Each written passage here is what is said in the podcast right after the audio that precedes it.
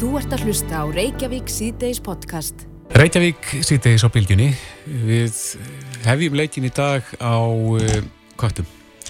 Það hefur verið umræðum kætti að undanfjörðu. Já, og lausagöngu þeirra. Ég akkurat hitt einn kött í morgun sem var með svona trúðakraga eins og ég var hans að ræði ger. Já. Og þú veist, það fór ekki að milli mála þarna var í köttur að ferð. En það er spurning hvort að... Hafði hann skoðan á málinu? Nei, hann tjáði sér lítið um þetta. Já, en uh, við heyrðum í gæri Sigurði Ægisinni, presti á Sigluferði, sem að skrifaði grein, eða hann var nú reynda búin að hlutast til um það í sínu sveitafélagi að, að fá lausagöngu kattabannaða mm -hmm. uh, á varptíma smáfuglana. Já, hann hefur verið kallaður eða, svona, öllum yllum nöfnum og talað um hans er dýranýðingur og annað slikt, en, mm -hmm. en ég held að þetta snúst nú meir um það að vernda fugglana heldur en að vilja ekki sjá ketti út eitthvað. Já, hann bendir á það í sinni grein að kettir séu ekki hluti af íslenskri náttúru mm -hmm. og uh, að þeir standi að baki uh, hérna, fjölda drápa á, á fugglum, sérstaklega á þessum varptíma. Akkurat. En okkur leikur forvatn að vita hvar formaður Dýravendarsambands Íslands stendur í þessu máli. Hallgerður Högstóttir, kom til sæl. Já, komið þið sæl. Er þú á milli steins og sleggju í þessu máli þar að segja hagsmunir fuggl annars vegar og hagsmunir katta hins vegar? það er kannski svolítið til í sí. Sko, þetta er svolítið flókimál að Uh, þetta er sem þannig að það er rétt hjá prestinum að kettir eru ekki hluti af náttúr Íslands. Þeir eru uh, færðringa af manninum mm -hmm og eiga ekki heima hérna, eins og þau dýr sem eru uppbrunnin hér. Svona, og að því leiti eru kettir skadvaldar í náttúrunni eins og minkar eru e, gagvat fugglum, þar að segja þeir drepa fuggla. Mm -hmm. Þannig að það að líta svo að þetta sé eðlilegt náttúrulegt ferli er kannski svolítið svona að miskilningi byggt Uh, og sérstaklega í ljósi þess að kettir er ekki dýr sem að þurfa að veiða sér til matar. Nei, en hann gerur eitt af því sem er oft í þessari umræðu sko, það eru margir úti kettir en, en ef að, að lausa ganga er bönnuð á einhverjum mögulega bara á varptíma eða bara yfir höfuð að þú þurft að venja kettin af því að vera úti kettir telur þú að það sé vandamál eða er, er auðvelt að temja þessi dýr í þá átt? Sko, hérna sko, ég ætla að segja bara svona ég hef enga samúð með kattaegandum, sko, enga sérstakka samúð með kattaegandum. Ég hef hins vegar til að vera samúð með kattunum. Mm -hmm. uh, Ketti sem eru vanir að fá að fara út, það er náttúrulega áfall fyrir þá að vera lokaðir inni ef það er gert fyrir að vera löst. Hins vegar er það þannig að það hefur verið þannig að mista ég hinga til að fólk hefur getað fengið sér kött og nánast sett hann á sjálfstýringu á meðan að fólk sem að fæt sér hund það þarf að tilenga sér það að fara út með hundin svo, svo ofta dag og reynsum bestir hann og, og lappa með hann, ég menna það er spurning hver með hvernig bandi. Að þá í raun og veru getur þú fengið kött, sett tvær matarskálar á gólfið og, og þú þarfst í raun og veru ekki að gera mikið meira. Þannig að það er alveg spurning hvort það sé ekki eðlilegt að gera einhverja kröfur til kattæganda eins og til dæmis það að þeir venni ketti á að vera í ól og þeir venji ketta á að þeir þurfa að vera lokaðir inn í tíma, tímabundi eða á tímabilum. Mm -hmm. vegna þess að hinu megin þar eru við með fuggla sem eru dýr með töðakerfi og sársökarskinn og, og, og lífsvilja sem eru sko, sem eru sko drefnir á fóðalegan hátt í þúsundatali á hverju ári. Og við hljótum að þurfa að taka hagsmunni þessara fuggla til greina Já, hann... Ég veit alveg, ég ætla bara að ítrekka sko, ég veit alveg þetta er óbúslega heitt og sáft mál sem ég er að láta henni ljósi álita á. Mm -hmm. En við hljótum að þurfa að taka heildarmyndina en ekki bara okkar hagsmunni og við, hljó, við hljótum að þurfa líka að skoða þetta út frá, ef við skoðum þetta út frá hagsmunnu kattana, þá verðum við líka aðtöða alla ketti sem týnast, alla ketti sem er kert á Alltaf kettir sem að lenda í dýranýðingum er að borða einhver fiskiflög og eitur og, og allt þetta sem er alveg fullt af kvartum.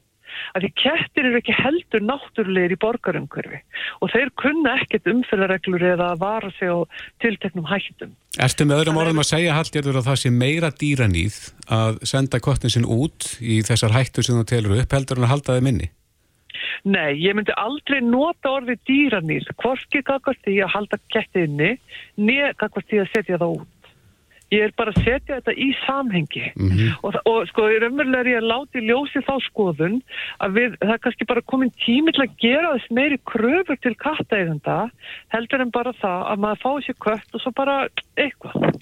En af hverju heldur umræðan verði svona harðvítug þegar að uh, talið best að þessum efnum? Já,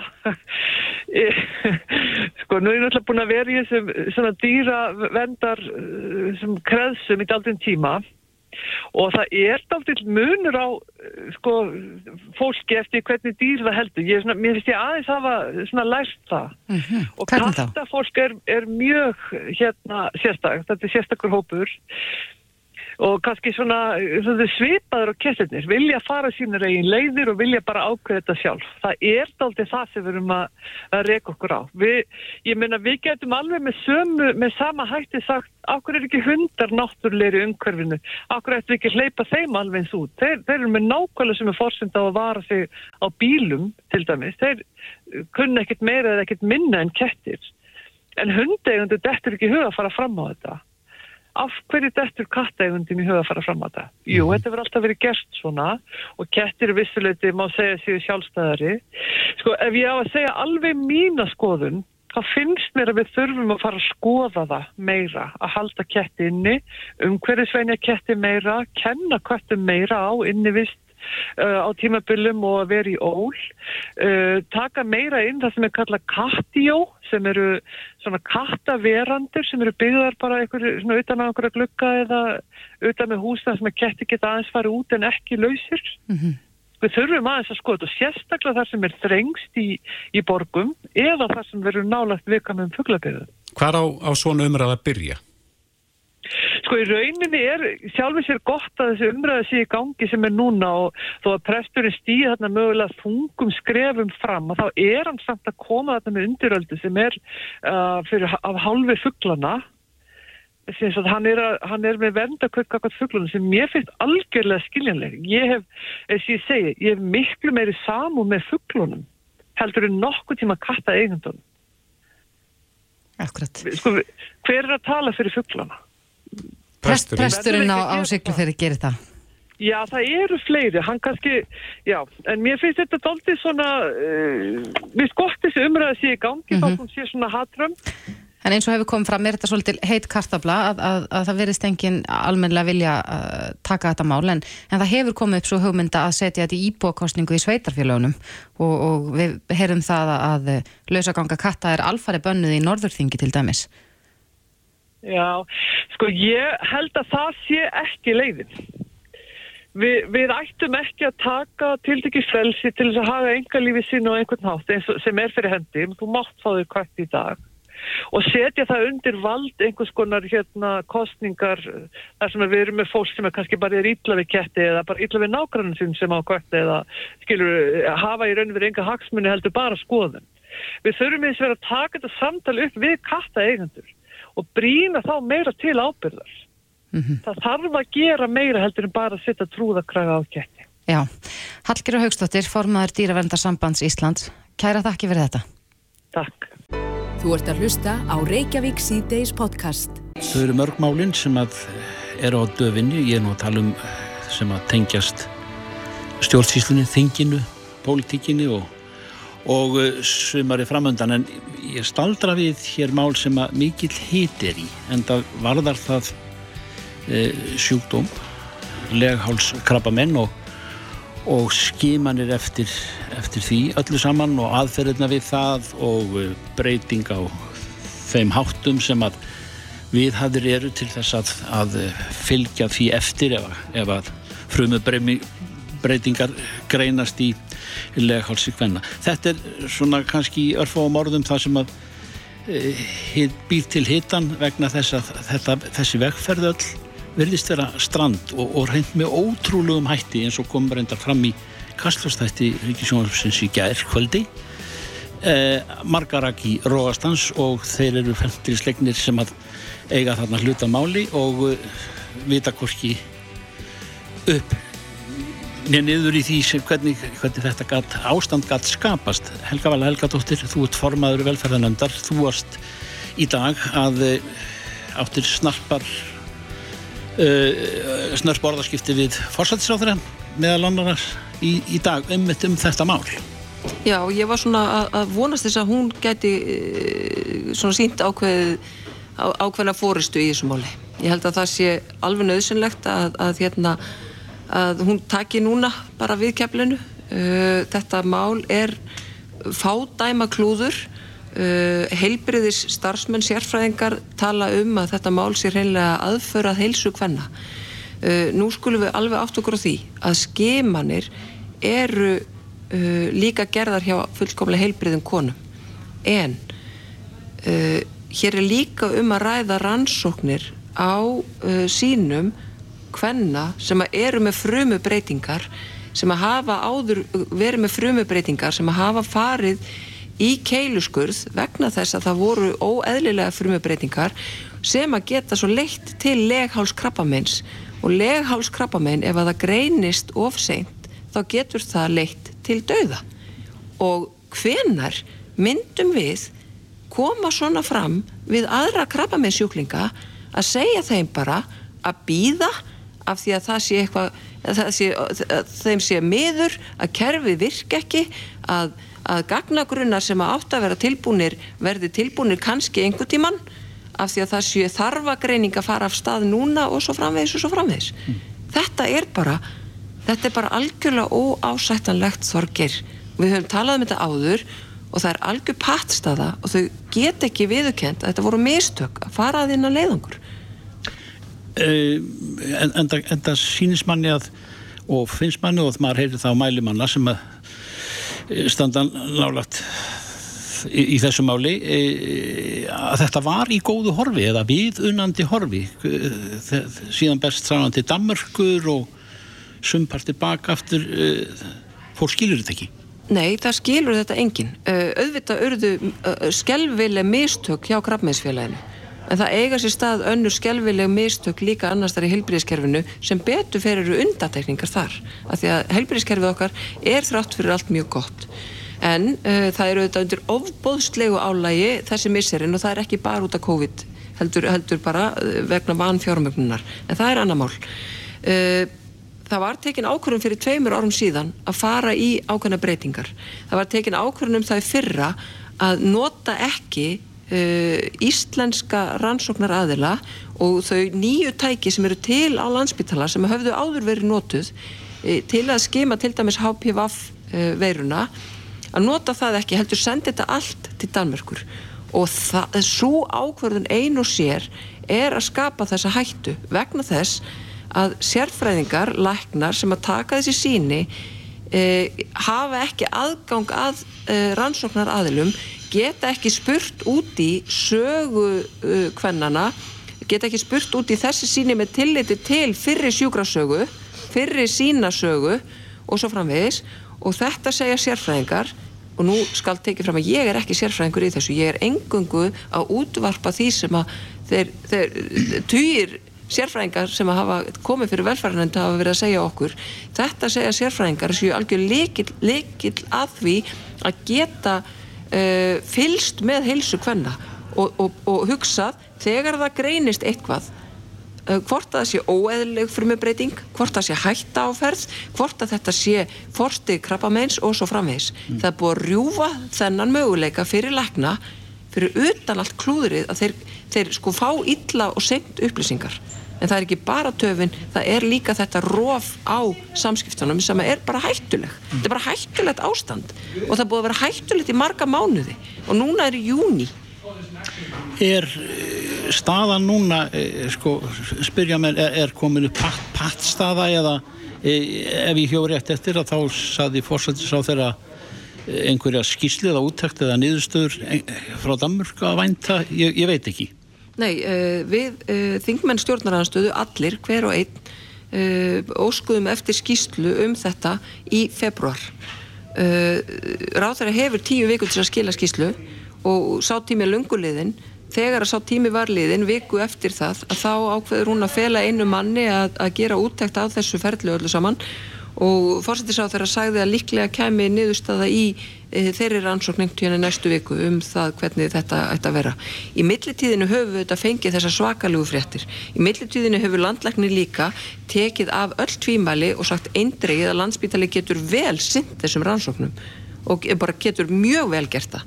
Það þarf hins vegar að taka ákvarðan um það núna að því þeim mun lengri tími sem líður frá því að þetta klúður á sér stað, þeim mun uh, lengri lengra tíma tekur að vinda ofan af því að, sé, að ræsa vélarnar aftur hér innanlands. Þannig að það, það er, þetta eru fjölmörgatriði en það þarf bara að nú þarf bara að draga línu í sandin og heilbjörnsráð þeirra verður bara að brjóta ott af aflæti sínu viður kenna þessi mistök og, og hætta þessari þvermóðsku. Það er að eina sem við byggjum um. Hlustiði á sérfræðingana. Og það var það sem ég var að byggja fórsetisráð þeirra um í dag í þingsal þið, þið, þið hlustuðu á, á, á, á sérfræðinga þegar við vorum í, í að berjast við kórnuveiru faraldurinn gerið það hlustuðu á sérfræðinga líka hérna. Helga Vala Helgadóttir formað velferðanandar, takk fyrir. Takk fyrir kærlega. Hlustaðu hvena sem er á Reykjavík C-Days podcast. Reykjavík sítiðis á bylginni heldur áfram. Í byrjun þessa árs þá lagði Áslögu Arna, dómsmálur á þeirra, mm -hmm. fram frumvarp sem að heimilar íslenskum handverksbrukkúsum að selja vörðina sinna beint. Já. Þetta hefur verið uh, mjög umdelt og þetta er nú kannski tengist því að, að gera sölu áfengi aðeins frálsari. Já, það er svolítið einkennilegt að þeir sem er að framleiða vörur, löglegar vörur eins og til dæmis eh, bjór, þessi handverksbrukkús, geti ekki selt því fólki sem að kemur og heimsækir mm -hmm. e, aförður sínur. Þau meiga að selja sko en þú þarfst að drekka á staðnum skilst. Þú getur fengið bjór Akkurat. en þú mátt ekki fá með þér lokaða bjórdós og tekja hana með þér heim eða til, til dæmis eru náttúrulega margi ferðamenn sem hinga að koma og hafa áhuga á þessum litlu brugghúsum út á landi. Einmitt. myndi kannski vilja taka með sér eina dós heim svona já. til minningar en, en það má ekki. Jafnvel tvær, þrjár. Já, já, akkurat. En eh, eins og ég segi þá er búið að vera að ræða mikið um þetta í samfélaginu að undanförnu mm -hmm. og einn af þeim sem að lætur þetta mál varða er Ólafur Steffensen hann er frangandstjóri fjarlags atvinnureiknanda, kom til sæl Komið sæl Já, þú hefur skoðun á þessu eins og margir aðrir og, og skrifaðir greinin á vísi.is í dag þar sem að þú talar meðal annars um það að, að raunveruleikin sé farin svolítið fram úr þessum vangaveltum stjórnmálmanna. Hvað meinar það með því? Já, já, sko það hafa komið fram mörg frumvörp undanfærin ár.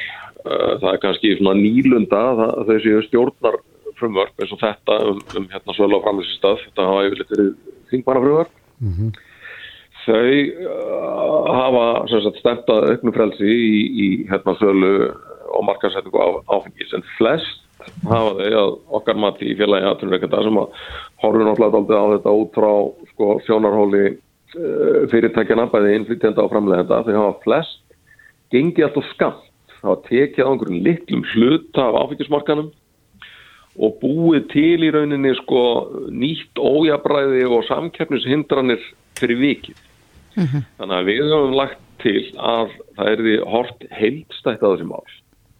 Þannig að jafnframt því að sölu fyrirkomuleginu er breytt og það var ekki bara ríkið sem mætti selja áfengi. Þá er þið tekið á áfengisauglýsingum og einnefndu áfengiskelsins sem er nú hérna líklega hæst á Íslandi á, á, á sko, byggðu bóli en við erum ekki bara að, að tala þar um, um sko, fjárhæðgjálsins hvernig það er innheft að það er líkara því sem að gerast með virðiskaskatt að því að, að innhendu fyrirkomulegið er gamaldags og í rauninni arfur þessa einokunarskipulags en pólitíkir er óskaplega hrættu þetta. Menn, menn fór ekki að hérna, taka á sko heldarmyndinni og er alltaf að, að fytla svona eitthvað við eitt hotn á markanum. En heldur að það, það sem að Sem að, sem að við erum ósamála. Akkurat, en heldur að það skil ekki árangur að gera þetta í áfengum eða skrefum, taka þá eitt hortni í einu og að lokum klára allt púslið?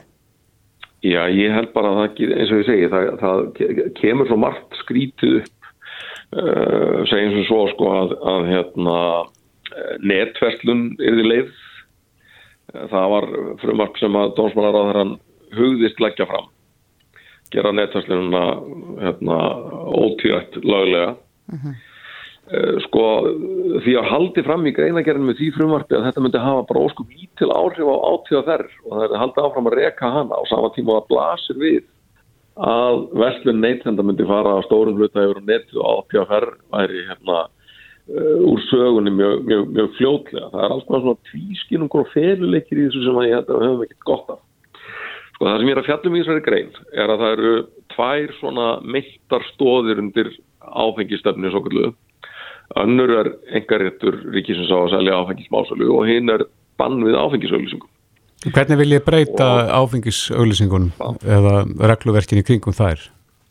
Já sko í dag eru lögin þannig að þær eru bara bannaðar og af því að lögin gera ráð fyrir að þessi bannaðar og ekki til, þá er ekki til neina reglur en það hvernig það er að vera. Meina við viljum hins vegar leifa þær með þá skýrum reglum um hvernig það skuli úr gardi gerðar að það megi ekki beinast að börnum unglingum að það megi ekki vera, vera í þeim einhverjar hérna, fullirðingar um ágætti áfengis og svo framvegis En staðrindir er svo að sko í alls konar alþjóðlegum miðlum sem að, að Íslandingar hafa bara fullan aðgangað þá hérna eru áfengisauðlýsingar. Það eru bara í íþrótta, íþróttakafleikjum sem árum á í beitnum útsendingu. Það eru á, á hérna samfélagsmiðlum sem verður reknir á alþjóðlegum fyrirtækjum og, og svo framvegis og svo framvegis það sem að er hins vegar kannski uh, sko súrast við það er að það eru fyrst og fremst erlendur áfengisauðlýsingur áfengisframlegendur sem að koma þannig sínum vörum á framfæri við íslenska neytendur en innlendir uh, framlegendur sittja eftir mm -hmm. og við höfum samið og kynnt fyrir ráðuneytum og alþingi uh, síðareglur fyrir áfengisframlegendur og einflýtjendur þar sem að þeim skuldbinda sig til að auglýsa á kynna áfengi með sko engangum mjög ábyrgum og hófsömmum hætti.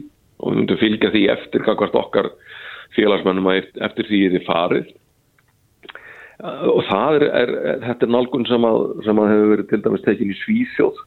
Og miklu nær að viðurkenna áfengisauðlýsingar séu til og reyna einhvern veginn að regulera hvernig það líta út og aðkverðin það beinast heldur en að loka augunum fyrir því að það eru alls það er í kringum okkur. Og það er svo lítið það sama að gerast núna með, með sko sölufyrirkomulegið. Það er bara fyrir opnum tjöldum netverslanir með, með hérna, áfengi. Það er til dæmis eins og bjórbílinn sem er netverslun stæðja. Það er bjórland sem er, sem er hérna, líka netverslun með svona ímsar bjórtegundir. Það er þessi nýlega netverslun Sante Wines. Mm -hmm. e, þetta er bara látið óreitt. Almenningi finnst ósköp eðlilegt að, að hérna, eh, skipta við þessi fyrirtæki. Eh, það er ekki verið gripið inn í þetta af halvu stjórnvalda. Svo eru fleiri leiðir fram hjá ríkisvengaréttinum sem nefndu nú áðan sko að veri bannað að selja til dæmis bjóra framleysistaf. Mm -hmm. Það er samt gert sko. Ég hef bara sannreint það á mínum ferðalegum um landið undan fyrir sömur og það er við það sem við verðum að bygga bjór út á landi. Ekkert mál að fá með þessir dósir eða kipu mm -hmm. En myndi þið vilja breyta þessu þannig að Það eru margir í svona svo smakklúpum þar sem við verðum að flytja inn vín og selja fólki í rauninni beint. Akkurat En ættu reglurnar að vera þannig að fólk þurfi ekki að fara á sveig við þar eins og, eins og við höfum heyrt með, með þessa netverslun samt í væns að, að þetta er bara fyrirtæki sem er skráði í öðru EES-ríki Og, og... Já, fyrir, fyrirtæki sem eru skráði í öðrum EES-ríkjum hafa árum saman með svo frá því að EES-samningurinn tók gildi mátt selja neytendum á Íslandi e, vín með, með, bara með postsendingum og það er náttúrulega algjörlega galið að, að innlendir e, framleiðendur og innlend fyrirtæki megi þá ekki gera slíkt sama. En er ekki helst ávíkju efni... Það er að vera þannig að það sé hægt að bera virðingu fyrir og og að lýsa einhvern raunveruleika sem á okkur finnst sko eitthvað viti. En er ekki helst ávíkjefni þeirra sem er á móti því að breyta þessum lögum að, að þetta komi til með að auka neistluna? Já sko, uh, það er bara svo margt búið að gerast í þeim efnum á undanfjöndum áratugum. Uh, rökin með hérna, áfengis engasölni hafa ju alltaf verið að, að hérna, hún ætti að takmarka neistlu.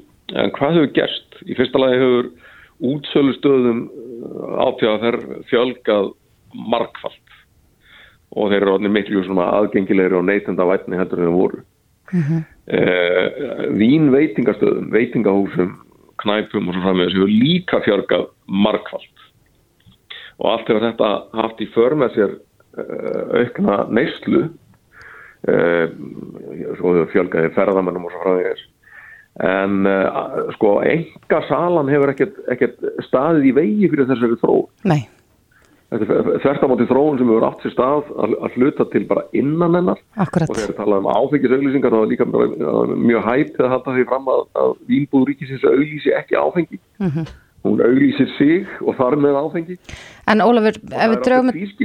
tvískilingurinn og feluleikitin í þessu sem að mætti svo gjarnan afnema með því að, að hérna, fara yfir allt þetta regluverk og, og, og hérna sko uh, viðurkenna alls konar starfsemi sem í dag á, á sér stað en lögin viðurkenna ekki og setja þá um hana einhverja reglur. En þú vilt, ef við draugum þetta saman, Ólafur, eh, þú vilt að, já. Já, að þingmennir, þeir sem stjórna hér, að þeir hætti að tvínóna við hlutina og, taki afgerandi skrifið þessum efnum og einnig að, að áfengisauglýsingar verði leifðar með einhverjum skilirðum. Já, algjörlega. Það mun horfi á heildarmyndinu. Þetta spilar allt saman, sölu fyrirkomulegið, fyrirkomulegið á, á auglýsingum og markasetningum og svo innheftan á, á, á áfengiskæðinu. Einmitt. Ólafur Steffensen, frangotastjóri félags atvinnureikanda. Við skulum sjá hvort að þeir svari kallinuðinu. Takk fyrir þetta. Mm, takk fyrir. Já, það er slæðis. Reykjavík síðdeis á bylginni. Geirgunar Markusson er næringafræðingur, skrifar aðtækisverða grein, greinakott, eins og hann segir sjálfur, inn á vísi og uh, þar kennir ímins að grasa varðandi það sem við upplifum ótt og títt kannski í setni tíð. Það eru alls konar ráleikingar í næringafræðilegum efnum. Uh, uh, Geirgunar er, er starfandi næringafræðingur á, á Reykjalundi og hefur líka átt samleið með NFL-í, náttúrulega í, í hveragerði. Þú er vangið aðtikla á því að, að mönnum hættir til að rugglast í rýminu þegar að vera að tala stöðugt um, um hotlustu fæðunar og hvað, hvað sé mönnum fyrir bestu við þessar aðstæður og hinnar en e, það er e, mikið um þá sérstaklega með tilkomin netsins og og það skal nú engan undra þó að mann rugglustundum í rýminu eða er það ekki rétt árið það á mér?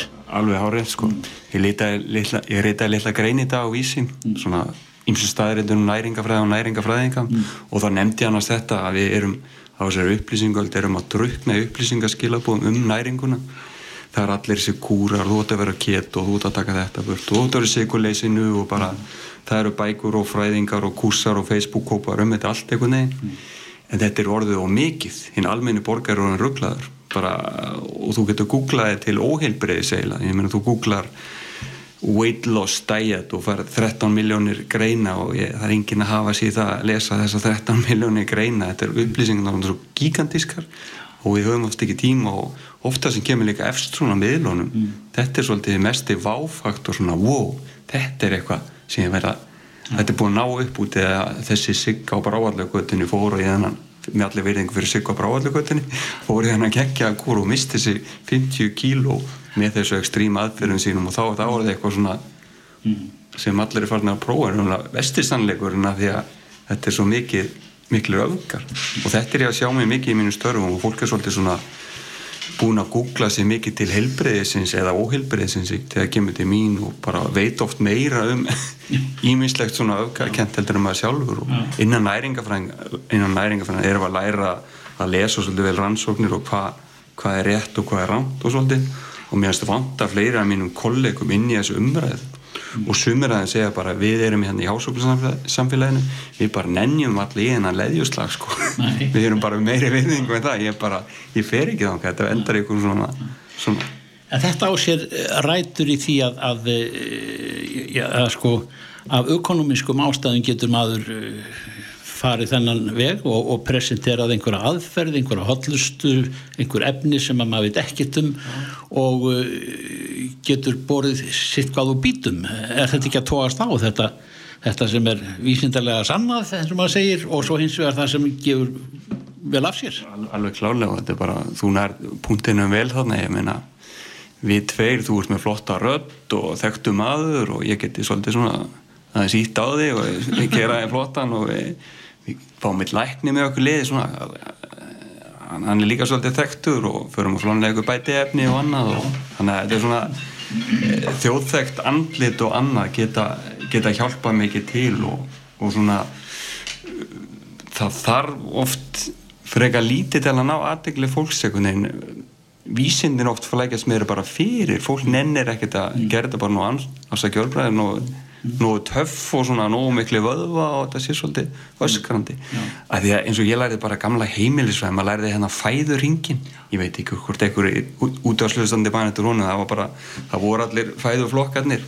Hann er mjög svona landspítala legur og svona ég er gamlega treykt í næringafnæðingunum munið að morða allar fæðuflokkarna bönni mín. Þá, þá verði þið heilbreyð þetta er náttúrulega bara ekki töff í dag. Það er töff að taka burtu þessi, þessi ávesti sem gera maður bara, keir upp insulín og fitamann og alla kortvörurnar og sko mjölk er bara fyrir kálv og unga börn og þú sittir eftir meina á gullröð og kjúklingabringu og við kallum þetta græna bilgjukúrin geggjaður og bara selju bókina og þetta er svona þetta leipur fólk á það er eitthvað eiga við þennan fæðuring. En besta væri fyrir okkur að borða fjölbjörn og holdt úr og jú það er fólk með fæð og óþól og glúten óþól og mingaðu sigumagnutur en að letast hana en almennt svona þetta er orðið miklir öfgar.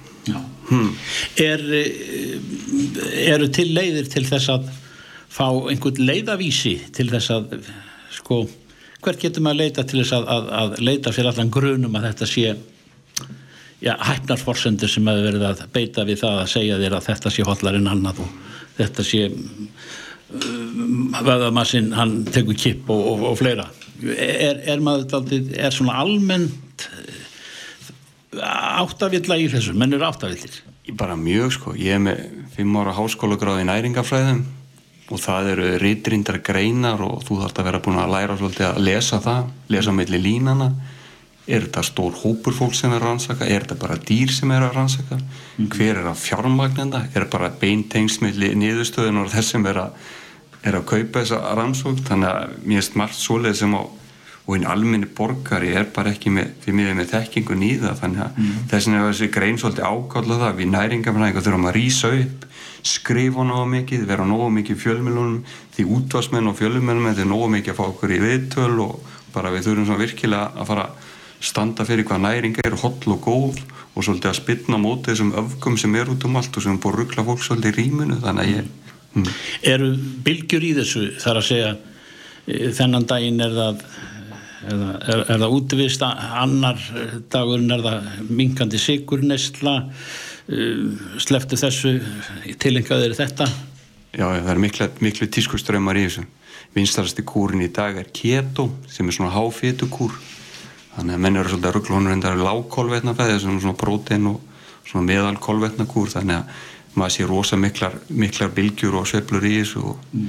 og ég segja ofta inn í almenna borgarinn sem fæ í næringar okkur tímin bara þorgið minn, nú eru að leggjast á þessu braut hérna, ég er búin að leggja svolítið línuna fyrir í matar en við erum sammálu um þessa leið.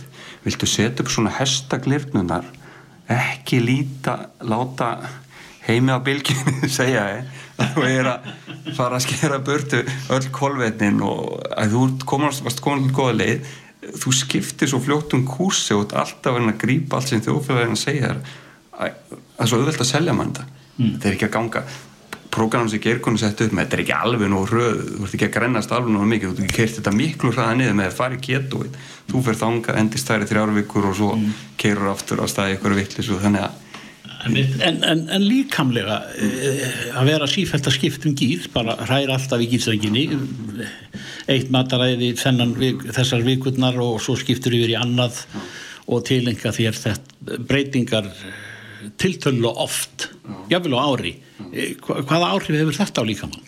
Þetta getur bara átt áhrif mjög ekki á næringar ástand þetta getur bara að fara svolítið með brennsluna föstukúrar er einsalir í dag það getur líka bara svolítið skemmt þess að þessar brennslokkar og grunnbrennslu og það og bara kúra náttúrulega slæmir margir hverju sem skera mikið inn á hýtæninga þá fyrir það að ráðast á vöðvamassan og skemma svolítið mm. þessar náttúrulegu opna sem er í okkur sem að halda okkur mm. góður brennslu þannig ég, svona langtíma áhrifin er ekki góð mm. og þetta sé ég ef við tölum um þess að kúravæðingu bara allar konur þessar lands allar bylgjulustendur kvenkins hættið á kúrum takið þessa megurnarkúru og hendið mútið hafsjó.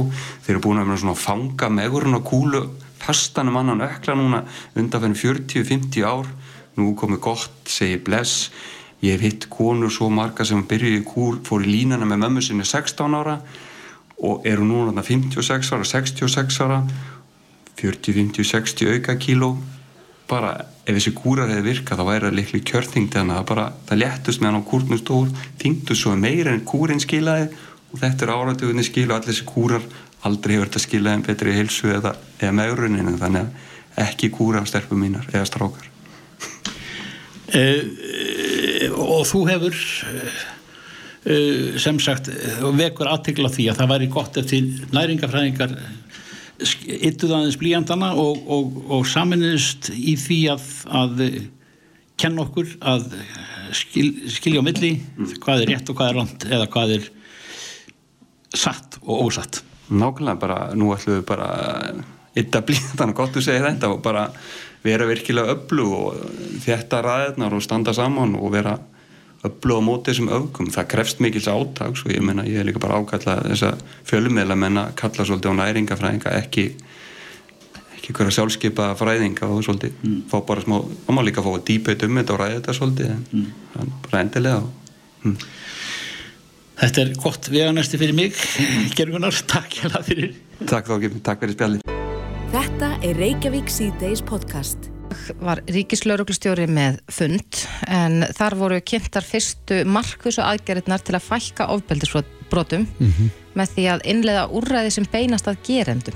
Já, reyna að fækka þeim. Já. Eða grípa þar í tömana. Eh, akkurat, en, mm -hmm. en slík úrræði hafa verið með takmörku hér á landi, hinga til, en, en þá að, uh, spýta í lofana í þessum efnum mm -hmm. og þetta var ansi áhugaveru fundur, fjölmargir sem að komið þarna fram og, og og rættu ymsar hliðir á málinu en einn þeirra var sálfræðingurinn Anna Kristín Newton sem hefur unnið mikið fræðslöfni fyrir gerendum og, og ætlar núna er að undirbúa stopnun félagskapar sem að e, ja, tekur á því að sko, hjálpa gerendum að, að breyta hegðun sinni.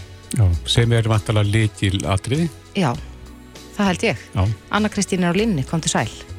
Já, kom til sæl Já, þessi fundur var ansi áhugaverður í dag og, og þarna var farið yfir svona um víðan völlir og kynntar margar aðgerðin en að hverju snýst sko, eh, hvernig er veru, kemur þitt uh, verkefnin í þetta? Já, uh, ég hluti að verkefninu taktu skrefið sem er að stíða síns fyrstu skref í raun og veru ég nálgast gerendur sem að eru þá að beita ofbeldi eða hafa áhyggjur af hegðun sinni þá sérstaklega kynferðsleiri hegðun. Mm -hmm.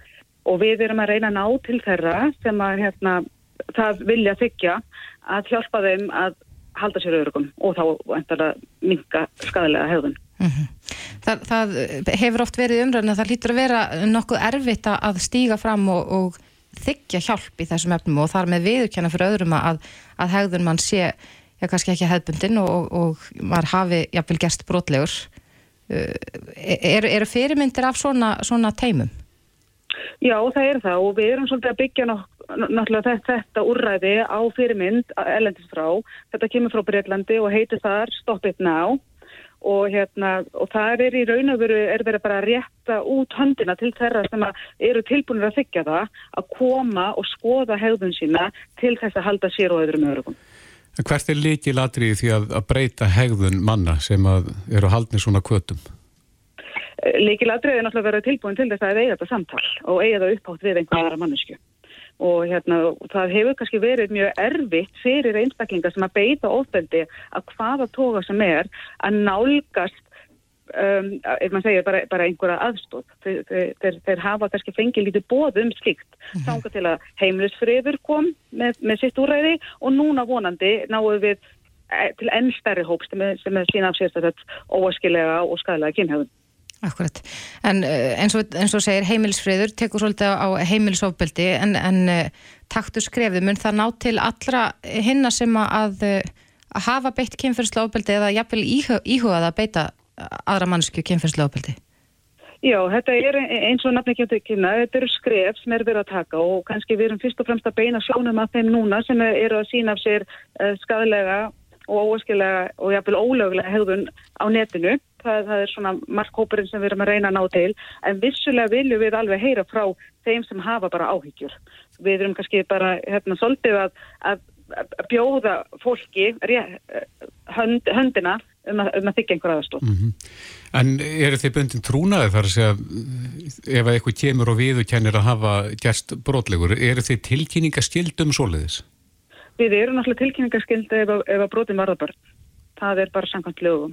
Það eru allir, hérna, hvort sem að það eru sálfræðingar eða, eða heilbæri bundnið því að, en við, við förum náttúrulega í gegnum það með skjólstæðingi eða, eða þeim sem leita til okkar áður en kannski að samtali hefst. Ertu bjart sína að þetta gangi vel að, að já, íslenskir aðilar eða íslenskt fólk sem að er haldið slíkum kvötum eða hefur beitt ofbeldi sé tilbúið að taka þetta skref? Já, ég er alveg vissum að þetta mun hérna skilja sér og ég er alveg vissum að það eru einhverju þarna úti sem að hafa verið að íhuga hvert þau geti leitað og hafa kannski ekki séð það beint í hendi sér hverjir væru til þess fallmir að, að rétta, rétta út hérna aðstof. Svo ég hérna við, við þekkjum það bara annar staðar frá að það hefur bara aðsóknir hefur verið meiri heldur en hefur verið átt von á. Mm En eins og ég saði hér áðan að þá hafa úrræði sem að, að er beint að gerendu verið frekar takmörkuð hér á landi. Uh, hefur þetta gefið góða raun erlendis að, að, að leita til gerenda með þessum hætti? Já, við sjáum það. Það, það er náttúrulega bara svona margar aðgerðir það þarf að nálgast fólk með mismunandi hætti og hérna eru við náttúrulega að reyna að vera partur af forvarnastarfi líka að við verum líka að byggla til þeirra sem að hafa bara áhyggjur af hugsunum sínum eða, eða jafnvel einhvern sem að þau eru, hafa verið að velta fyrir sér svo við teljum að það getur dreyið úr líkum á brotum almennt og stoppa þá af hérna eitthvað ferli sem hefur átt í stað og annar stað að sjáum við að árangurinn og aðsóknin er mun meiri heldur en átt er von á. Akkurat, það er eitt sem að, að ég hef nú bara svona heyrt út undan mér eru svona stuðningshópar fyrir gerendur og þá kannski sérstaklega þá uh, sem haldnir, haldnir eru barnagind. Mm -hmm. uh, er þetta eitthvað í eitthvað sveipað því að, að, að fólki geti þá leita til hvers annars? Við höfum ekki, við höfum ekki hérna, skoða það eða verið að horfa til þess enn sem komið er allavega þetta er allt svona í raun og veru hérna, við erum að taka okkur fyrstu skref líka mm -hmm. svo við svona horfum til þess að þetta sé alltaf á einstaklingsgrunni mm -hmm. Og hvenar búist þið því að byrja? Sko, fólk getur haft samband við okkur nú þegar í gegnum netfangi taktu skrefið, taktu skrefið.is það er í raun og veru við erum hérna nokkru sálfræðingar sem að stöndum að því verkefni og hérna getum þá komið fólk í viðtöl mm -hmm. hérna, og átt milligöngu um það að þau fái þá aðstóð ef, ef fólk vil vil gera það en, en þetta er, er vonandi bara fyrsta skrefi í nokkrum liðum og hérna, við vonumst til að geta sett upp líka heima síður þar sem verður sjálfs hjálparefni og, og fleiri uh, hérna, leiðbenningar um, um, um fræðslu og annað slíkt. Og svo hérna, er, er stóra markmiðið er það að við getum bóðið upp á uh, meðferð. En, en eins og staðin er núna þá þarf fólki í raun og veru að, kosta það sjálf Já, Anna Kristi Njúton, sálfræðingur, kæra þakki fyrir spjallið Já, sem er leiðist, takk Reykjavík síðdeis á Bilginni podcast. Jæja, Reykjavík síðdeis, það hefur verið svolítið spennandi umræða um uh, nýja nálgun þegar það kemur að geðalagningum mm -hmm. og það er uh, kallað eftir liði sem önnið er úr ofskynjun á sveppum. Akkurat, sérfræðingar segja að það sé bylting framundan í meðferð við þunglindi og kvíða til dæmis mm -hmm. uh, en þetta er, vist, þetta er ennþá rannsóknastígi samt sem áður, en, en þetta hefur gefið góða raun, skilst okkur af, af þeim sem hafa tjáðs um þetta svona ofinperla í fjölmjölum, mm -hmm. en uh, Geðlæknafélag Íslands, eða formaði þess hann hefur fylst með málunum um einhver tíma en hann segir samt að það sé þörf á meiri rannsóknum í þessum efnum. Karl Reynir Einarsson formaðar Geðlæknafélagsins, er á línni, kom til sæl. Já, komið sæl. Já, þetta hljóma eins og svolítið spennandi fréttir, við vitum þá og sáum það í, í kvöldfréttum stöða 2 hér í, fyrir tveimu dögum síðan að það er stór hópur sem að notar svona þunglindis og kviðalif hérlandi og þetta geti mögulega komið í stað þess. Hvernig lítur þetta út fyrir, frá þínum bæðaturum séð? Já, það, það, það er alveg rétt að svona, það er, það er rannsóknir sem hafa verið gerðar hinga til svona að lofa vissulega góðu en eins og ég segi, þetta er allt saman á, á frumstígi og ég held að sé alltaf snemt að fara að spá um það hvort þetta uh, muni að þunglindislegum og vegi uh, í, í framtíðinni. Það er alltaf snemt að segja til það. En hvernig virkar þetta efni? Hvað, hvað er það sem að, sem að þetta efni gerir sem að lofa svona góðu? Já, þetta, þetta verðist hafa á svona ákveðna viðtaka í heilanum og, og, og einhvern veginn svona hafa áhrif á þunglindi og kvíða, allan að niðurstöðu benda til þess. En eins og ég segja, það er búin að prófa þetta til til að fáu fólki þannig séð og þetta er ennþá svona svolítið á frumstígi og það sem ég vil svona kannski helst leggja áherslu á er að að það ætti ekki að nota þetta í dag nema bara í rannsóknum á mínum vati. Það, er, það er vegna þess að þetta efni, þetta sílósípín sem að er í þessum sveppum og er verið að rannsaka að þetta er alveg mögulega sko hættulegt efni. Þetta, þetta er virt efni. Eh, Þetta getur, fólk getur reynilega að fara í gæðróf af þessum sveppum. Mhm. Þannig að ætla að sé einstaklingsbundi hvernig þetta efni sílósýpin uh, virkar á fólk. Já, já, það, er- það er mjög einstaklingsbundi og, og, og, og, þótt að svona, þú veist, þótt að rannsóknar síni að svona við mjög svona, svona kontrollerar aðstæður þar sem er eitthvað meðferðaræðil og svona, þá sé þetta nú kannski ekki eitthvað stóðhættulegt þegar menn vita nákvæmlega hvað menn er að taka og svona, að þá við vissar aðstæður þá getur þetta verið stóðhættulegt og, og, og til dæmis þegar menn eru að kaupa sveppi og netinu og svona, Mhm. þá vita menn náttúrulega ekki, fyrsta lagi ekki hvað menn er að kaupa. Og, og það, það hafa verið gerður ansóknir til dæmis á sveppum sem menn hafa verið að kaupa svona á netinu og það er nú allur gangur á því hvað er í þeim sveppum sko. Sömi sveppinir eru bara hreinlega ekkert með neinu sérstöku virku efni í sem er nú kannski ekki helst ágefni í þessu samandi. Svo er búið að setja LSD í suma sveppi eða englarík Þannig að þetta, þetta er mjög vand með farið og, og mín skilabóð er einfallega þau að það ætti enginn undir nokkrum kringumstæðum að vera að taka þessa sveppi í dag. Mhm. Nú er það þekkt að, að hefur sést til fólks að, týna sveppi á umferðaregin á vissum ástímum. Er, eru þekkt áhrif af þeirri neyslu að, að fólk fari í, gæðróf? Ég, það er alveg þekkt, já, já, það er alveg, alveg, alveg þekkt og, og ef maður bara skoða það sem hefur skrifað um þetta erlendis, þannig að þá eru, það, það er alveg döðsföll sem að menn hafa svona skrifað svolítið á það þegar menn hafa verið að nota sveppi, reyndar stundum í, með öðrum efnum en þú veist, menn geta að fara í gæður og, og hérna kannski hoppa fram á svölum á tíundahæð sko og veit ekkert hvað er að gera og það, það er mjög erfitt að segja til um hvernig svona efni hefur hafa, áhrif á hvern og einn. Akkurat.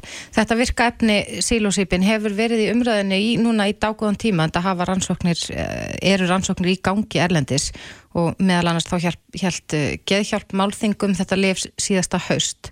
Heldur þú að þessi svona jákvæða umræða um, um sílósýpin sem virka efni í sveppunum íti mögulega einhverjum í þá átt að, að prófa sveppi eða vilja aðtöku hvort að, að það geti lækna sitt eigið þunglindi eða kvíða með því að innbyrja sveppi? Já, já, ég, ég, ég veit það bara. Ég veit bara að fólk er að prófa þetta og, og, og náttúrulega maður sýnir því náttúrulega svona vissuleita ákveðin skilninga. Menn er búin að prófa alls konar sálfræði meðfyrður og lifa og kannski ítla gengur og svona að, að menn svona prófi sér eitthvað áfram en, en það er bara ekki hægt að mæla með því vegna þess að, að þetta getur alveg enda ítla. Það er nú bara þannig. Og við erum líka að muna það sko að, að, sko þegar svona livjaransóknir eru skoða er bara svona í heitina að þá hafa alveg komið fram svona lif sem að menn hafa talið að myndu bara að bjarga algjörlega hlutunum og sem setna hefur komið í ljós að hafa, hefur bara alls ekkit verið þannig eins og til dæmis með þegar, þegar, þegar DSF kom fram á sínum tíma fyrir 60-70 árum þá ætti það bara að vera sérst, alls er að lækning við, við kvíða og bara máli leist og nú er það í dag bara stótt vandamál. Þannig að maður, það stýra mjög varlega til jarðveri þessu en, en ég hef samt, samt að segja sko að mér er alls ekkit ólíklegt að, að út af þessum rannsóknum minni koma eitthvað jákvægt og, og, og, og það er meinu svona að leggja grunninn að einhvers konar lifið með sér og, og ég bara vona að það verði. Já, Já það fylgdi fréttunum hérna í fyrradag að, að eh, inntaka á þessu lifi jafnist á við tíu ára sálfræði meðferð, þetta er ekki smá fullering. Já, já, já, þetta er býrsna stór fullering. Ég hef nú ekki alveg geta fundið svona nákvæmlega ákveðu þetta byggist, sko. En, en eins og ég segi, það eru vissulega svona litlar, litlar rannsóknir sem eru nú ekki allar alveg nógu vel hannaðar reyndar, eins og stundum er, sem sína jákvæðan árangur. En, en nú eru svona stærri rannsóknir í gangi og ég held að menn veri bara sína ákveðna þólimæði og býða eftir þeim niðurstöðum. Já. Og vonandi verða þær bara góðar. Ég er, þetta er fagnar því sjálfur. Akkurat. Karl Reynir Einarsson, formadur Geðlæknafélags Íslands. Kæra þakki fyrir spjallið. Takk fyrir. Reykjavík síðdeis á Bilginni podcast. Reykjavík síðdeis á Bilginni heldur áfram. Ég held að það sé uh, mun vera seint vera sagt um mig að ég fylgist mikið með íþróttum Einmitt. En Tek ég- undir það.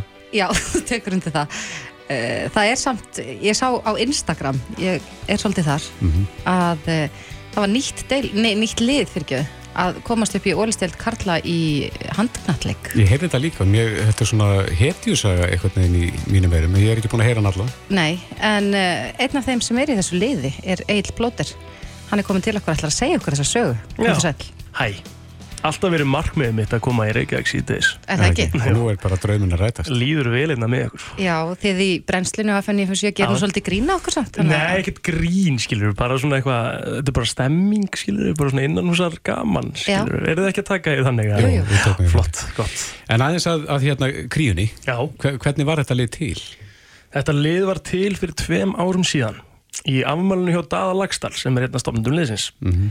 Og þá er það þannig að við út á Seltjarni sem svona smá kjarni sem að, eh, að hefur alltaf verið í, í handbóltanum hættum svona, fórum svona svolítið út fyrir og, og fórum í, í aðra ráttir en við vorum alltaf með þessa pæling að stopna okkar eigin lið sko. Og gera okkar eigin uh, hluti. Og hérna og við vorum með, með, með þá pælingu kringum partilleköp einhvern tíma fyrir lungu síðan.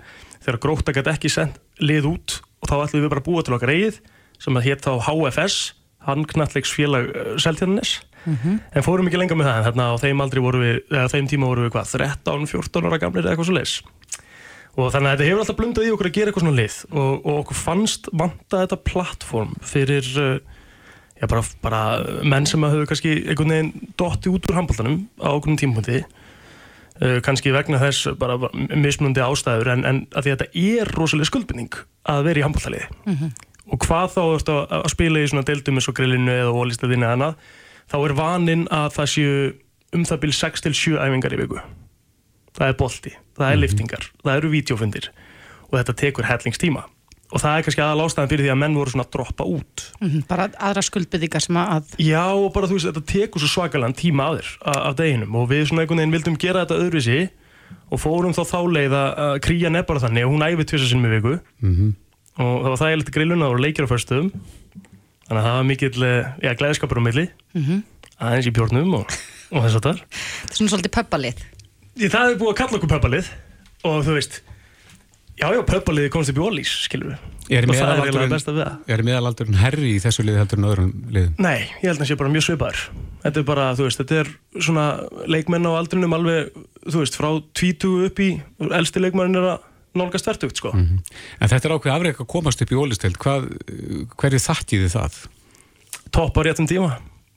Það er eiginlega bara ástæðan, sko, við lendum í sjötta seti dildinni En fyrirkomulagið er þannig að, að það eru svona ákveðin, það eru ulið í grillinu sem eru eins og annar flokkur var í, í den svona fyrir yngri, eh, yngri yðkendur í handbólta til, að- til að spreita sig á meistarflokkstíði og þá eru bara einhver nokkur lið sem eru svolítið gjaldgengi í þessa úslitakefni því að Valur U getur ekki verið í úrvalstild því það er bara ulið. Sérst það má ekki verið sömu deild og Valur til dæmis. Þannig að hérna og við, við, vissum einhvern veginn alltaf þegar við fórum inn í tímabilið að COVID-pásan fór illa til dæmis í okkar lið þar sem við æfum tvisar í viku sko. Æfum náttúrulega ekkert þegar COVID-pásan er þráttur að önnur lið séu svolítið að æfa í sikuru lagi bara samkvæmt reglum og annað en þeir eru allan að halda sér í formi sko okkar menn voru hérna kannski hendur sér til Madeira í, jamferð sko. Þannig að þetta var, var svona aðeins öðruvísi og þetta er allt öðruvísi dæmi. En hérna uh, þú veist þannig að ég man ekki eins og hvert ég ætlaði með þetta. Þetta, þetta er bara búið að vera stemmingslið einhvern veginn og, og, og ástæðan fyrir að við náum að fara upp er að því að við komum bara gýraðir inn í þessu úslutikefni við vissum að þurftum að toppa þar. En þurfum við að breyta ykkur núna þegar eru komnir í þessa deild? þetta er, Bæta við æfingum eða... Nei, það er ekki planið það er eiginlega ekki planið Af því Þið ætla bara að halda ykkar strikki. Já, af því að sko að þetta er plattform og kannski margir sem að eru í handbólt á Íslandi og, og, og hafa verið í efstu deild lengi og hugsa til þess að þarna sé kannski komið eitthvað fyrir þá sem að virkar fyrir þá að æfa tvisar í viku og æfa svo sjálfurinn á milli. Af því að það er líka alveg málið sko, við erum ekkert bara að æfa tvisvar og allt búið, menn geta bara ráðið sínum æfingatíma svo sjálfur sko. Hvað að gera á milli æfinga og milli leikja er algjörlega undir þeim komið. Hvaða stöðu spila þú? Ég er miðumar miðumar og dreifa spilinu rosalega vel. Ekki mikið að skora, ekki mikið að skjóta sko. hefur ekki virkað vel í, í, hérna, í handbóltanum back in the days. En þú veist, ég kallar íslenski Jókim Boldsen vitið þið hver það var? Nei. Daninn á miðunni, aðeins þéttur. Svipar ég í læginu En þetta er skemmtilegt og hvað tekur svo við núna? Ég, ég veit að það tók við mikil fagnaðarlæti þegar Já, þið já. komist upp í deildina og unnu viking. mikil fagnaðalæti og, og núna er bara svona smá frí þú veist, og, og svo logo hóf gríu í, í júni og þá er ennþá meiri fagnaðalæti og, og svo er bara alvaran nánast að byrja eftir mánu þá þurfum við svolítið að, að hérna, fara að taka almennilega ákvörðin um hvernig við ætlum að hafa næsta tímbil Heldur að, að það verði aðsókn að komast í liði hjá okkur? Eins og þú segir, þeir sem Ég- að, hafa kannski verið að æfa 5-6 í viku og vilja eppil bara minka þess við sig. Já, já, því að það var alveg aðsókn í liðið bara í fyrra þóttu við værum í grillinu sko. Og það verður menn sem eru með, sem eru með okkur í liðinu eins og, eins og Sigur Ingeberg Ólafsson sem hefum bara oft verið talin eitt besti markmaður ólisteldarinnar kom til okkar. Kristján Orri Jóhansson uh, hægri hotnamæður í ólisteldinu í hægri skiptinu hjá okkur. Markæsti leikmaður grilldeldarinnar skiluru en var bara talin eitt besti hægri hotnamæður ólisteldarinnar þetta eru bara bæði, bæði, menn sem voru svona komnir aðeins, uh, þú veist, með þessa leið eða áhuga leysi og vildi bara finna leið til þess að auka áhugan aftur og, og, og fá einhvern veginn enn eldmóð í handbóltan aftur. Og það tókst með þessu? Það tókst með þessu, það segja þeir sko. Og þeir, þeir vilja meina það að þetta svona náða að kveiki aftur smá bálið þeim sko. Og ég held að það sé eiginlega bara svolítið, svolítið punkturinn í þessu, þú veist það þarf ekki alltaf að, að æfa svona svakalega mikið til að uppskera sko. Þú getur gert það á öðru sér hátt og þetta er bara ákveðin uppskrift sem að er bara í mörgum íþróttum. Þú gerir hlutina svona og einungi svona en það sem er gaman við kríun er að, er að hún er svona svolítið að sanna að það er alveg hægt að gera öðru sér. Hún er kannski svolítið eins og krí að pínlita augra. Einmitt, sko þórti sér.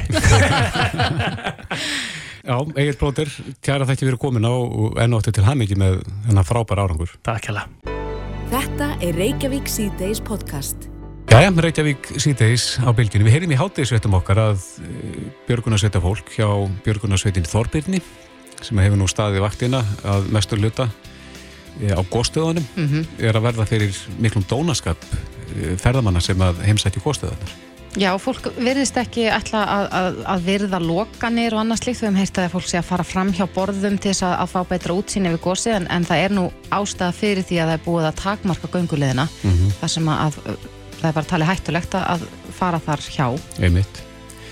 Nú bói Adolf formaður uh, Adolfsson, formaður björgunarsveitarinn á Þorbjarnar er á línu, kom til sæl. Góðan dag. Já, hvar náum við þér núna? Það er bara upp í ljósastöður.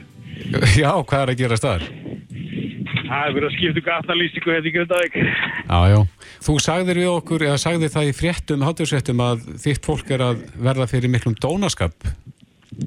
Já, þetta er svona svolítið borðið á því að fólk er að hérna hreita svolítið í, í menn þegar það er að byggja þau um að fara ekki yfir uh, hérna þennan upp hennan, ég kallar þetta gónhúl. Mm -hmm. Þannig að fólk situr hérna gónar. Er það hóllin það sem að, það sem að óttast er að fólk verði innleiksa? Já, þess að það er náttúrulega möguleiki á því, sko. Það geti fara, það er orðið svolítið hátt á það hraunið. Mm -hmm. En svo bara, sko við settum laurugluborða og skilti og svona, veistu, það er búin að setja upp svona laurugluborða þá er það náttúrulega, veist, er það ekki gert af okkur, skiljur, veist, þannig erum við að vinna náttúrulega með lauruglunni í þessu Mhm. og hérna, og þegar fólk er að, við þurfum að vera beringa virðingu fyrir það sem við erum að gera, Nei. Eh, veist, ekki, þetta er ekki allir, skiljur, veist. Það hafa þannig samt á hreinu að þetta er svona ekki mikill fjöldi á fólki en þetta er svo leiðilegt að þetta kemur. Já. En, en þið, þið fjarlægðu borðan ekki satt og að, nú getur, Hann verður tekin í dag. hann verður tekin í dag og, og getur fólk þá farið upp á þennan gónhól og, og, og þarf þá bara að gera það á eigin ábyrð? Já, en það er alltaf að ná eigin ábyrgð. Það, við, við erum náttúrulega bara að reyna að, vera með svona, uh, menn kalla þetta mjúka lokanir. Að vera svona leiðberjandi og, og frekar heldur en að, að vera eitthvað, skiljur, harður í hlutum. Mm En er þessi borð ekki skýr skilabót til, til fólks? Er ekki betra að hafa hann heldur en að taka hann?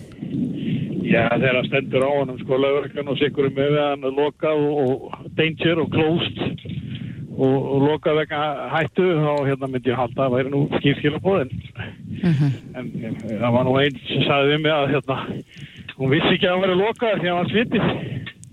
Akkurat. En, en eh, við veitum auðvitað að það er mikill ströymur af fólki sem vill fara og skoða eldgósi og skiljanlega enda mikið sjónarspil. Uh, er, er, er fólki í björgunarsveitunum orðið, orðið þreytt á því að mæta dónaskap frá ferðamönnum?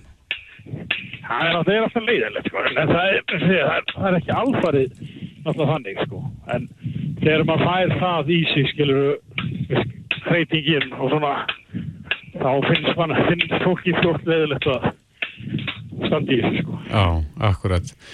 En uh, af því að þetta er nú, þið kallið þetta gónhól og þetta er nú góður útsýnistaður, er það ekki bara eitt sá bestið þarna til að sjá yfir gósið? Já, sko, þú sérð alveg jafnvel hvað er að ske frá e, hólum, aftari hólum, hann er flatar og ofan og svona á okkar mati eða betri svona að búið að taka við fólki, sko Mm -hmm. en eh, hitt er náttúrulega nærverð maður skilur það alveg líka. Fólk er alveg eldast við að vera onni í þessu, sko. Já, það er náttúrulega draunur og, og leiti og þetta er náttúrulega svo rosalega flott og flott ekki sjónaspill, sko. Akkurat, en nú hefur líka verið talað um að eh, já, Erlendi ferðamæðurinn er komin til landsins og, og margir eh, leggja leið sína að góðstöðunum. Er þetta aðalega Íslandingar eða Erlendi ferðamenn sem að er að sína dónaskap við björgunsveitafólkið?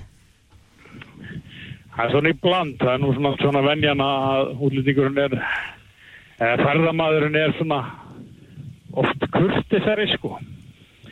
Þeir eru nú í heimsók sko. já, einmitt. Við, við eigum alltaf heima þetta, það er alltaf alltaf. Já, og ráðum þessu. Ráðum þessu. Já, En veist, maður skilur alveg fólk á þessu leiti sko, en það er bara það sem maður er að benda á, það er ekkert gaman að fá þetta reitt í sig sko í sínu, sínu starfi. Þú ert ekki að vera á fótballtöðlinum og, og það er hendið auðmingiðin eða eitthvað svoleiðis, skilur við, veist. Nei, Það getur ekki hlupið hraðar eða... einmitt. En hefur komið til tals hjá ykkur að, að stika aðra leið þannig að fólk komist á næri þessu hinum megin frá eða eitthvað slíkt? Það er nefnilega gætið við það. Það er eiginlega óskup lítið í búður. Það er þessi leið og hérna, svo náttúrulega eru þarna leifar af bjelleiðinu svo kallu. En það er engin svona, veist, þetta er, svæðið er orðið þannig í dag að það er ekkert, veist, að vera svona nála, þetta er ekkert eins mikið í búði, sko. Það er orðið svo mikið hraun, sko. En nú hafa landverðir tekið til starfa þarna á góðstöðunum samhliða ykkur ekki satt. Hvernig hefur það gengið? Já, þeir eru búin að vera í daga og þeir bara, veist, eru náttúrulega bara fínpúsið sinni í þetta og hérna, ég er full að trúa því að, að það verði bara mjög gott að fá þarna sem viðbútt, sko. Já, kær komið viðbútt. Þeir verða náttúrulega yfir virkudagana, veist náttúrulega, veist, bara svona daginu og svo helgar sama tíma, frá nýju til átta ef maður rétt. Bói Adolfsson, formaður Björgunar Sveitarinnar Þorbjörns, kæra þakki fyrir þetta og við byggjum bara heilsu upp á í ljósastöðurinn. Takk fyrir það, ég skila stjórnum hvað ég. Takk, þess.